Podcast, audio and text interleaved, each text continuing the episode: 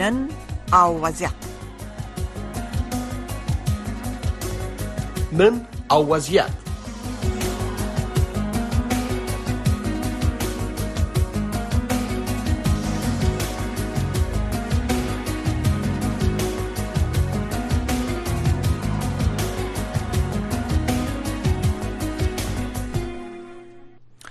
سلام بینندگان گرامی. خوش آمدین به برنامه این ساعت از رادیوی صدای امریکا از واشنگتن. من محمد احمدی هستم. میزبان این برنامه با برنامه روایت امروز که در خدمت شما هستیم با یک بحث دیگر در مورد افغانستان و منطقه. جوزف بورل نو رئیس پالیسی خارجی اتحادیه اروپا گفته است که جنگ اسرائیل و حماس تاثیرات فرامنطقی داشته و سبب افزایش تنش در لبنان، عراق، سوریه و بحیره سرخ نیز شده است. آقای بورل پس از حملات امریکا و موازی شبه نظامیان تحت ایران در عراق و سوریه این هشدار داده و گفته است که اگر اسرائیل و حماس بر سر آتش بس توافق نکنند درگیری در سراسر منطقه گسترش خواهد یافت. در صورت گسترش احتمالی و تشدید بیشتر این تنش در شرق میانه که کشورهای همسایه افغانستان بعضا در آن دخیل نیز هستند به صورت غیر مستقیم چه تاثیراتی بر وضعیت فعلی افغانستان به ویژه وضعیت امنیتی و سیاسی آینده آن خواهد گذاشت؟ این موضوعات را با آقای نعیم اساس تحلیلگر مسائل سیاسی مقیم فرانسه بحث می کنیم که امروز در برنامه با ما هستند. آقای حساس سلام خوش آمدین. از حضور شما در برنامه امروز. تشکر احمدی سید گرامی. سلام به شما سلام به همکارای گرامیتان. همچنان شنوندگان عزیز. شما می‌دونید که از چندی پیش به خصوص در بحیره سرخ یا بحیره سرخ از طرف اوسی ها که از جمله کسانی هستند که از طرف ایران پشتیبانی میشه اولا از لحاظ حقوقی اگر ما برام اجازه بدین که این کمی بررسی بکنم بعدا به قضیه می‌پردازیم. بله. اولی که خود حمله حملات متعدد یا بگویم گسترده از طرف حوسی های یمن و هم منافع امریکا یا با کشتی هایی که نه تنها منافع امریکاست بلکه کشورهای غربی را مورد حمله قرار میدن یا قرار دادهند ای از لحاظ حقوق بین دول خود استفاده از زور با امو ماده دوی منشور ملل متحد در تناقض است. ولی امریکایی‌ها پس در مقابل چنین حملات عکس العمل نشان میدن و از لحاظ حقوقی ماده 51 منشور ملل متحد در اینجا از استفاده می‌کنن یا به کار می‌برن و قسم استدلال می‌کنن که در اینجا ما مورد تجاوز منافع ما قرار گرفته و همین عملات ما از لحاظ حقوقی یک بگویم مشروعیت داره یا مشروعیت حقوقی داره که اینو از امو ماده منشور ماده 51 منشور ملل متحد از از منظر حقوق بین المللی او را در اینجا از او استفاده می‌کنند. درست. به این در رابطه با افغانستان البته شما می‌دونید که بعد از اینکه جنگ فلسطین و اسرائیل میشه نه تنها در این منطقه که امروز این مشکلات در فرا منطقه یا بیرون از منطقه تا به کشورهای دیگه این مشکلات ایجاد کرده که بخصوص میم در رابطه با افغانستان. البته ناهمنیایی که در این منطقه میشه. حوالی که بالای افغانستان تاثیر مستقیم و غیر مستقیم داره. اول تاثیر از این بالای افغانستان چی است که شما می‌دونید که ایرانی ها رابطه بسیار تنگاتنگ با, با طالبا دارن. می‌تونن که شاید یکی از فرضیه ها است که اینا در میان یا در صفوف طالبا اینا سربازگیری کنن یک تعداد اینا انتقال بدن یک تعداد طالبا را به همیش داخل یمن و و تا ببرن به لبنان و, و سوریه و به جاهای دیگه که از استفاده گفته میشه چون این تحرکات موجود از در رابطه.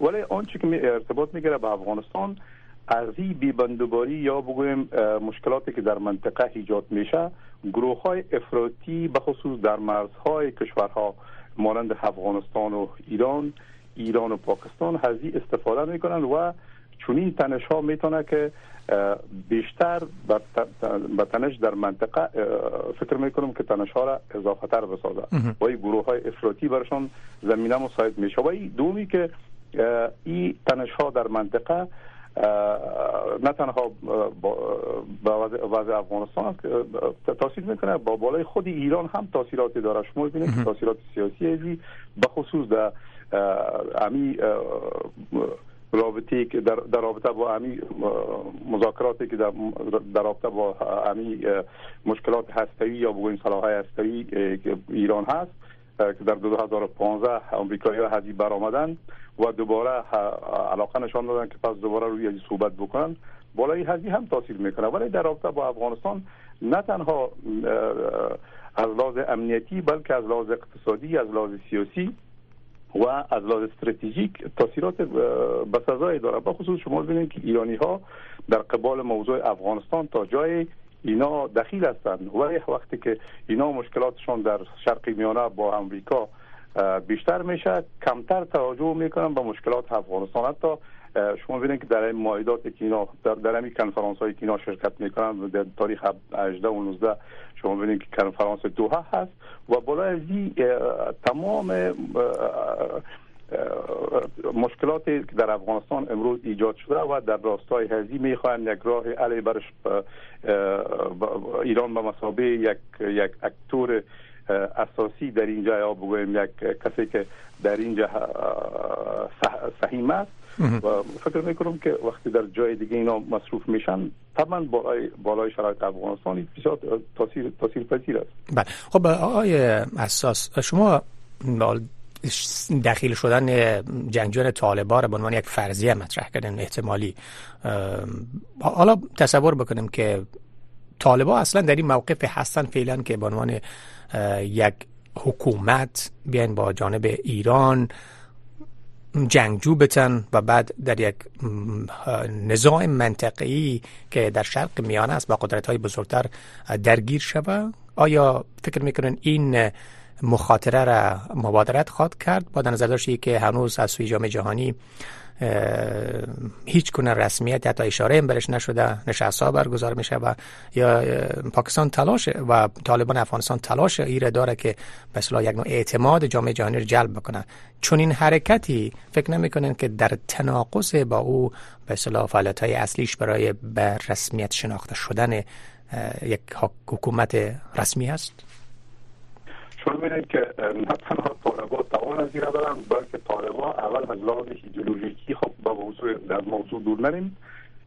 طالبا ببینید که از لحاظ ایدئولوژیکی اینا امو به اصطلاح وجوه مشترکی که با گروه های افراطی به زم دیگرها گروه های تروریستی دارن. اینا در صفوف از اینا تمام گروه, های تروریستی یا افراطی کشورهای منطقه موجود است فعلا. شما ببینید که در آخر گفتن که چهار پایگاه نظامی القاعده. البته اینا شورای امنیت ملل متحد گفتن. اینا یک چیزی نیست که یک از جای گفته شده باشه بگویم یک خبری باشه که خبر نادرست باشه. ما فکر می‌کنم شورای ملل متحد امنیت ملل متحد اشتباه نمی‌کنه که به این سطح یک راپور سرش نوشته بکنه و بگوید که در پنشیر چنین چیز موجود است. امروز تمام گروه های افراطی که در سر تا سر جهان است امروز در افغانستان اینا موجود هستند.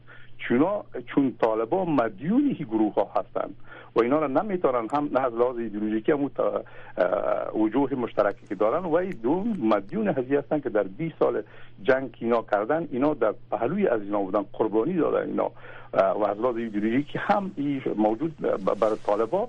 امروز هانچی که موجود است امت است. یعنی امت امون ملت اسلام است. ملت اسلام یعنی در اونجا سرحد موجود نیست. اونا که برای بسیار مهم است موضوع جهاد است. امروز ببینید که مدرسه های افراطی جهادی در افغانستان حتی از توسط فرمان خود ایبت الله در اینجا باز میشه و این اجباری هست. لحاظ برای اونا هانچ که مفهوم داره بعض اوقات از طالبان ما صحبت می‌کنیم ما فکر می‌کنیم خب بعضی این طرف اون طرف میگن خب طالبان پشتونا هستن و آمدن پشتونا از طرف دیورن این طرف دیورن. قدرت گرفتن یا قدرت پشتونی شما به این معتقد نیستم. طالبا سه عنصر است که طالبا را می‌سازه اینا هستند از لحاظ که شما ببینید که طالبا خب یک بخش از این اموک فرهنگ تریبالیسم بدوی هست. ولی طالبا کسانی هستند مردمان مکتبی هستند کونا به دیوبندیزم دیوبندی و دیوبندیزم و به وهابیزم اینا معتقد هستند اینا کسایی هستند که از مدرسه حقانیه اینا بیرون شدند. رهبرایش البته شد در صفوفش درست است که اکثر مردمش بی سواد هستند. ولی طالبان شما تنها به گروه پشتون بدوی شما مقایسه نکنید. اینا تنها پشتون نیستن. اینا یک گروه مکتبی هستند که مانند سید قطب و میر قطب و مودودی اینا تابع یک مکتب هستن. اینا از خود یک جهان بینی علمی دارن. فلحاظ وقتی که اینا جهان بینی علمی دارن نظر به مو جهان بینی علمی از اینا گروه های دیگه که در صفوف از اینا هستن به خاطر یک ایدئولوژی یک هدف اینا مبارزه می‌کنن و جدا کردن از اینا هم این برای اینا آن که بسیار مهم است جهاد است. جهاد و... مقابل کفار. چیزی هر جایی که اینا برن شهادت هدف از اینا جهاد هدف از اینا. به او اساس اینا آنچه که می‌گویند در دروغ پراگنی شما دست از اینا بسیار بالا هستند. طالبات تنها تصویر از خود میتن ولی آنچه که جهان در مورد از اینا میگن کاملا واقعیت داره کاملا بله. از جمله واقعیت های خب. است. البته با نظر داشته این مسئله که بعضی از تحلیلگران بری باور هستند که در میان رهبری طالبان هم یا رهبران طالبان هم دو دستگی وجود داره. بعضیشان به این باور هستند که تعدادی از طالبان علاقمند هست با تعامل با جهان غرب یا جهان آزادتر هستند البته در حدی که بتانن محکومی مشروعیت را داشته باشند بخش دیگه که شما گفتن برخی ها به همین نظر هستن که بله در حد افراد و همون ایدئولوژی طالبان نیزم خودشان است. فراتر از او چه فکر می‌کنین؟ وقتی که جنگ در صورتی که تشدید پیدا بکنه و گسترش پیدا بکنه کشورهای دیگه که بر طالبان نفوذ دارند اونها چگونه وارد تعامل خواهند شد؟ به عنوان مثال چین هم بر ایران از لحاظ سرمایه گذاری های بسیار کلان و نیازمندی هایی که ایران داره نفوذ داره و همچنین طالبا رابطشان خوب هست با چین. چه فکر می‌کنن آیا چین در یک تصویر کلانتر که نیازمند به صلح یعنی طرفدار صلح در این منطقه هست برای خاطر منافع اقتصادی خود یا مسائل دیگه آیا فکر می‌کنین که مداخله خواهد کرد به نحوی یا مشاوره خواهد داد که این کشورها به باعث تشدید جنگ در شرق میانه نشوند نقش چین خواهد چی خواهد بود؟ مشکل اساسی در این است که ما تنها تغییر اوضاع منطقه و به طالبان نیست. نه تنها در گذشته تغییر اوضاع افغانستان کرد. خود اوضاع افغانستان سه عامل داره. عامل داخلی منطقه‌ای و فرا منطقه‌ای و این سه عنصر یا سه عامل شما نمی‌تونید که از یک دیگه شما جدا کنین. شینا در یک رابطه مستقیم با هم دیگر به شکل قرار دارن به خاطر اینکه شما تنها نمی‌تونین که از داخل طالبان درست است یکی از عوامل می‌تونه که در جدایی یا بگویم در, در فردا یک یک فاکتور یک یک عامل باشه. ولی معلول نیست. اما مسابقه یک عامل می‌تونه که با عامل خارجی ما طالبان اونجا پارچه پارچه بکنن و عوامل دیگه از بیرون به جاگزین از اینا شهر برای فعلا دست طالبان در, در سطح داخلی منطقه‌ای و فرامنطقه‌ای دست از اینا بالاست. در اول در داخل افغانستان هیچ الترناتیو سیاسی که افغانستان شمول باشه در مقابل از اینا موجود نیست. در منطقه هیچ کشوری نیست که از یک جنبش سیاسی نظامی بر ضد طالبان طرفداری بکنه. حتی اتحادیه اروپا گفتن ما نمی چند پیش ما با دیدم گفت که ما اصلا از هیچ جنبش ما طرفداری نمی کنیم به شمول همی فرانسه که فعلا رابطه تنگ و تنگ با احمد مسعود داره که ما از این نزدیک دیدم شما و با مشاورین نشست میگه ما هیچ جنبش نظامی را ما پشتیبانی نمی کنیم در منطقه هیچ کشوری نیست که امروز جرأت از داشته باشه که بره ضد طالبا یک سنگر بسازه یا بگویم یک جبر بسازه. در اگر چنین کاری بکنه شما گیریم برای یک لحظه قبول کنیم تاجیکستانی کار می‌کنه. خود اوضاع تاجیکستان از طریق خود امو حزب اسلامی تاجیکستان طالبا خراب می‌کنن. شما ببینید وقتی که طالبا قدرت گرفتن حزب اسلامی تاجیکستان بیرقای طالبا را بالا کرد به عوض طالبا اومدن امو سرحد گرفتن. شما اگر بیاد داشته باشین. حزب اسلامی ازبکستان در اینجا از از ایران در اینجا از ایغورای چین در اینجا است. اینا مثلا چینایی های کارا می‌کنن تنها یعنی هدف اساسی از اینا اقتصاد نیست. چینایی ها میترسن. چرا امروز واقعا اگر بخوان در ظرف یک ما شهرهای بسیار بزرگ می‌سازن چینایی ها لحاظا یک موضوع دیگر فرامنطقوی در آخرین کلمه خود اینجا جمله خود که امریکایی ها در اینجا بیشتر از دو تریلیون دلار مصرف کردن. 2400 سرباز از اینا 20 سال اینجا موجود بودن. شما فکر می‌کنیم که فردا این لقمه چرب برای, برای چینایی ها بگذارن اینا ببلن اصلا هیچ امکان ناپذیر است چون این کاری نمی‌کنن امروز اینا 8 میلیارد دلار میده 8 میلیون دلار ببخشیم در روز میدن برای افغانستان.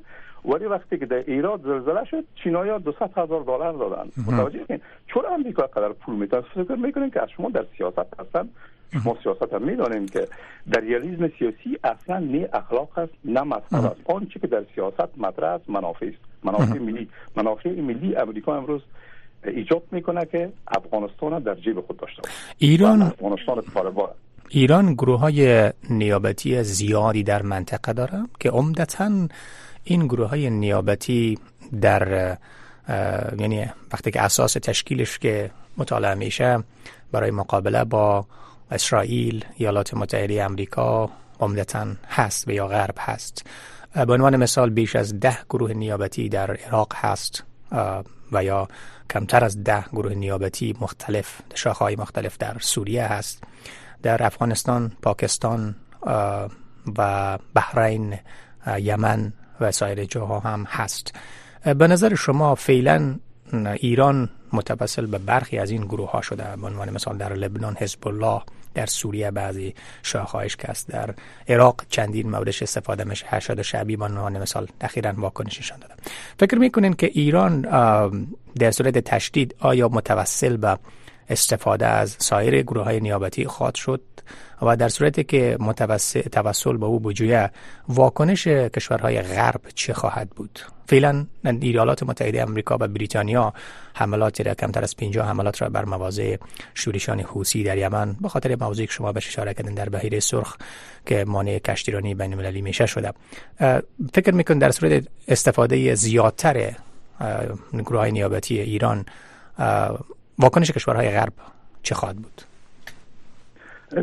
در سیاست اگر در سیاست شما همه چیز به خصوص غربی ها به خصوص اینا از روی عاطفه کاری را می‌کنند. اینا همیشه محاسبات عقلانی دارن شما ببینید که اینا بعض اوقات گفتن میشه که به ایران به تاسیسات اتمی ایرانی حمله می‌کنن و به این معتقد نیستم. غربی ها بسیار بسیار بسیار کارهایی که می‌کنن و کارهاشون عقلانی هستند.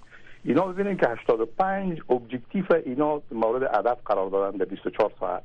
چرا به داخل ایران اینا یک راکت پرتاب نمی‌کنن؟ اینا می‌دانن که اگر چنین کاری بکنن این یک ریسک بسیار بزرگ می‌گیرن اینا. چون ایران چون این چیزی را هم می‌خواهد ولی امریکایی ها و غربی ها در اینجا کدام برد سیاسی و نظامی ندارن که اینا اول امکانات از ندارن که به ایران در کشور پهناور بزرگی مانند ایران اینا حمله بکنن.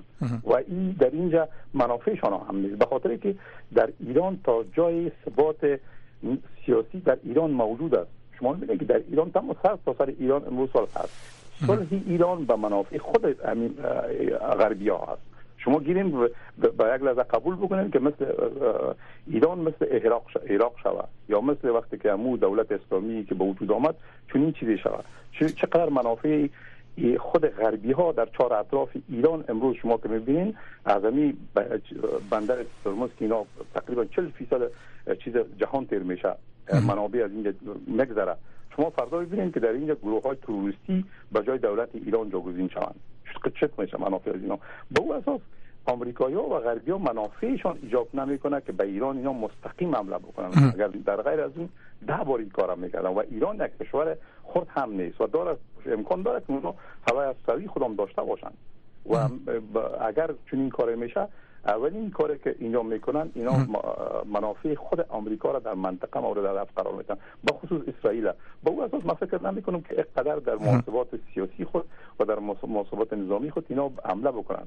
ولی یک چیز دیگر هم اضافه بکنم که بله. ایران هم نه به اساس نه به حساس مذهب و و من به اساس عاطفه در جای عمل می‌کنن. یک مثال بسیار زنده آورتون می‌تونم شما ببینید که در آذربایجان کشور تقریبا اکثرش اهل تشیع هستند ولی ارمنی اونا هیچ مسلمان نیستن. اونا کاتولیک هستن ارتودکس هستن. ولی وقتی که جنگ بین ارمنی سر موضوع قرواق میشه ایران برای ارمنی سلام میده زد, زد بر علیه آذربایجان. در حالی که کشور هم جوارش اهل تشیع هستن. لحاظا در سیاست هستن مذهب و عاطفه و همسایگی و برادری اصلا مطرح نیست. اون که مطرح است منافع است. ولی ببینید که اسرائیل سوا میته برای برای آذربایجان.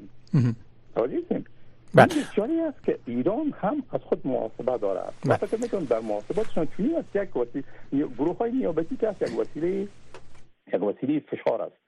و فکر می‌کنم که بالای اوضاع روابط اسرائیل و ایران بالای روابط ایران و عربستان سعودی که در اواخر رابطشان خوبتر شده اوضاع طور پیش میره که بالای هزی هم تاثیر منفی بکنه. در مجموع شرایطی که در منطقه امروز مستقر شده متاسفانه بله. بالای افغانستان هم تاثیرات غیر مستقیم داره. بله. خب به نظر شما کشورهای آسیای میانه در این میان در صورت تشکیل مثلا گسترش جنگ چی خواهد شد؟ با توجه به که کشورهای آسیای میانه عمدتا متاثر از سیاست های روسیه هست به ویژه پاکستان ازبکستان و تاجیکستان و سایر کشورهای دیگه که البته این دو کشور عمدتا که مرز مستقیم به افغانستان داره. اینها در قبال این مسائل یا تشدید جنگ شرقی میانه و تعامل خود با طالبا چه واکنشی نشان خواهد داد به نظرتان؟ در مجموع شما ببینید وقتی اوضاع در یک گوشه منطقه خراب میشه در مجموع در, در کل منطقه را متاثر می‌سازه شما ببینید که موضوع طالبا یکی از دغدغه اساسی برای کشورهای منطقه است. البته این کشورهای منطقه در آخر در آخر چند روز پیش که اینا کنفرانس گرفته شد خب هر کسی این اهداف خود در جستجوی اهداف خود بود که هدف اساسی از اینا موضوع امنیتی از ایناست چون در اقتصاد چیزی نیست که در افغانستان در روز میلیاردها دلار تا و بالا یک کشور غریب بیچاره است. از او این کشورهای منطقه چه توقع دارد؟ هدف حساسی از اینا این است که در منطقه صلح و ثبات ده و ثبات منطقه از بین نره. و بر کشورهای منطقه آنچه که بسیار مفهوم داره بخصوص همین کشورهای سازمان همکاری شانگهای که ایران هم عضو جمله عضو ناظر است. و دو کشور بزرگ مثل دو کشور دشمن و بزرگ که از اینا سلاح هستوی دارند. پاکستان و و انگلستان ببخشید اند از 2016 به این طرف در همین سازمان همکاری شانگهای است شما می‌دونید که سازمان همکاری شانگهای که در رأس از روسیه و, و چین قرار دارد تقریبا 42 فیصد نفوس جهان تشکیل میتن و 24.5 فیصد global product جهان اینا تشکیل میتن فلهذا وقتی که در ولی ایران هم از جمله کسانی هستن که شما رابطه تنگ و تنگش با چین می‌بینید بیشتر از 25 میلیارد دلار چین چند دو سال پیش در اینجا سرمایه گذاری کرده. شما قراردادهایی که داشتن شما رابطه تنگ و تنگ ایران با با با روسیه شما ببینید حتی داره که اینا بسیار حتی در قسمت ساخت سلاح های اصلی می گفته میشه که بر از اینا کمک می‌کنه و ایرانی ها ببینید که در موضوع اوکراین چقدر از اینا همین درونا را گرفتن و خریدن چقدر اینا کمکشان می‌کرد خب رابطشان بسیار تنگ و تنگ رابط تاریخی و بله. و نظامی اینا دارن با او اساس من فکر می‌کنم که این آنچه که می‌گذاره در شرق میانه نه تنها بالای کشورهای آسیای میانه بلکه حتی در رابطه با چین و ایران در رابطه رابطه چین و روسیه هم تاثیر پذیر است بله. آیا اساس پاکستان کشور دیگه همسایه افغانستان هست. پاکستان با ایران هم همسایه هست. پاکستان اخیرا با هر دو کشور روابط تقریبا تیره داره. با ایران اگرچه این تیرگی به صورت کوتاه مدت بوده روابط دیپلماتیک از سر گرفته شده قطع نشده بود به به تعلیق در آمده بود باز دوباره از سر گرفته شد در پی اون حملات فرامرزی دو طرف. به نظر شما پاکستان در این حال در یک تصویر کلانتر روابطش با کشورهای غربی مناسباتش بهتر هست. حالا در این میان در صورت تشدید این منازعه پاکستان چه جایگاهی را یا چه موقف را اتخاذ خواهد کرد که از یک سو پاکستان از نگرانی دار از طالبان افغانستان و از یک سو دیگه ایران که همزمان علاقمند هست که در قسمت مسائل سیاسی و امنیتی و اقتصادی روابط خود حفظ بکنه. به نظرتان چگونه سیاست را اتخاذ خواهد کرد؟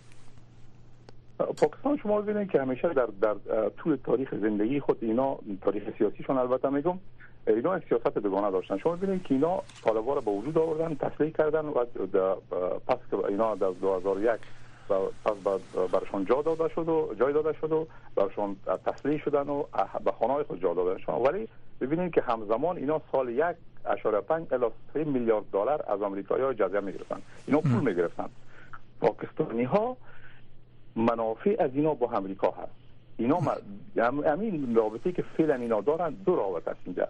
اولی است که سیاست دوگانه امریکا با هم اینا امریکا از یک طرف شما ببینید که پروژه های همین ساخت پروژه‌ای که چین داره پروژه خط ابریشم جدید در این تا جای مختلف شده. 65 میلیارد دلار چینایی ها اینجا سرمایه گذاری کرده و در این دو نقطه که از, از چهار نقطه البته میگذره سایه بلوچ است و سایه پشتون است در اینجا ببینید که حتی اوضاع مختلف شده. از کجا از بیرون است؟ خب زیاد من در مورد این صحبت نمی کنم ولی در این زمان به امروز به ساکر ساکر پاکستان از یک اشاره پنج الی سه میلیارد دلار سالانه آمریکا کمک می‌کنه. یکی از متحدین اساسی آمریکا تا امروز پاکستان در منطقه. تا شما می‌دید وقتی که کرزی در او زمان تقریبا چند سال قبل در امی خانه خلق بگویم یا در هرگشایی از, از بایدن پرسید بر بایدن گفت بر برش گفت گفت که شما به هیوز ازی که بجای ازی که شما اساکرتان داخل افغانستان جا جا بکنین شما را به سرحدات پاکستان به خاطر که تمام مشکلات ما از پاکستان نه تروریست از اینجا نه شما اساکر شما رو می‌کشن از ما بایدن در مقابلش کلی خودش هول داد برش گفت گفت که 50 بار نسبت به افغانستان پاکستان برای ما مهمتر است و این سیاست از اینا است پاکستان برای اینا بسیار در منطقه یکی از از, از متحدین اساسی است به اون من فکر نمی کنم که فردا اگر در صورت تنش در منطقه پاکستان هم صد فیصد با, با, با, با کشورهای مثل ایران و با اینا باشه اون موقف پاکستان بسیار بسیار بسیار روشن است اونا بسیار رابطه تنگ و تنگ با ایالات متحده امریکا با غرب داره به خصوص با ایالات متحده امریکا و منافعش هم ایجاب می‌کنه که در کنار ایالات متحده امریکا باشه بله تشکر جناب آقای اساس صحبت های بسیار مبسوط و مشروعی رو داشتین. تحلیلتان هم درست است که نظر شخصی شما هست و البته ما یادآور میشیم که در ختم برنامه نزدیک میشیم. آنچه که متخصصین این برنامه که دعوت میشن نظر و دیدگاه شخصیشان است. ایالات متحده آمریکا نشرات صدای آمریکا هیچ گونه پالیسی و نشراتی را مربوط به آن نیست. آقای اساس به عنوان پرسش آخر و حسن برنامه ختام برنامه به نظر شما حالا این بحرانی که در شرق میانه فعلا جریان داره. تقریبا میشه گفت که قریب بیشتر از دو ماه شده. به نظرتان به کجا خواهد انجامید؟ آیا چشمانداز آتش بس بین اسرائیل و حماس وجود داره که به نحوی یک نوع امیدی به ختم این منازعه هم باشه؟ جنگ در بنبست است. به که اسرائیل اینا می‌گفتن که ما در 48 ساعت الا یک هفته ما حماس از بین می‌بریم. در حالی که از جنگ شما می‌بینید که از 7 اکتبر تا امروز تقریبا در حدود 4 ماه میشه. خب البته آنچه که حماس کرده خب او یک موضوع دیگه که اونا ما بگوییم که تقبیل می‌کنیم و نمی‌کنیم. یک موضوع کاملا حلالی است. ولی آنچه که در امروز در غزه نظر یک قتل عام است. بیشتر از 26 27 هزار مردم بیچاره اونجا هر روز کشته شدن تا امروز. ولی فعلا جنگ در یک بنبست است. و همه وابسته به نیتانیاهو. اونا چی می‌خواهند؟ آیا می‌خواهند که یک دولت دیگه دولت فلسطینی در اینجا ایجاد شه؟ آن اگر شوه با در کدام کادر آیا حماس در اینجا باشه؟ خب شما جنبش های اسلامی و ما می‌بینیم که در سرتاسر جهان چند دارن. با او اساس برای اسرائیل هم کار مشکل کار بسیار مشکل است که یک کشور در همجواریش مانند حماس در از قرار تشکر. در کشور افراطی مشکل تر از برای ما. برای به نظر من دو کشور مستقل است یک کشور فلسطین باشه و کشور اسرائیل. بسیار خوب. تشکر مجدد از شما جناب آقای نعیم اساس سلیگر مسائل سیاسی منطقه افغانستان و منطقه در فرانسه که در برنامه امروز با بحث امروز با ما بودین و دیدگاه خود را مطرح کردین. شنونده عزیز سپاس از همراهی شما. برنامه صدای شما تا یک دقیقه یا دو دقیقه کمتر و میزبانی همکارم ژیلا نوری و همچنین زیبا جان خاندیم نشر میشه. سپاس از همراهی شما موفق و کامیاب باشید.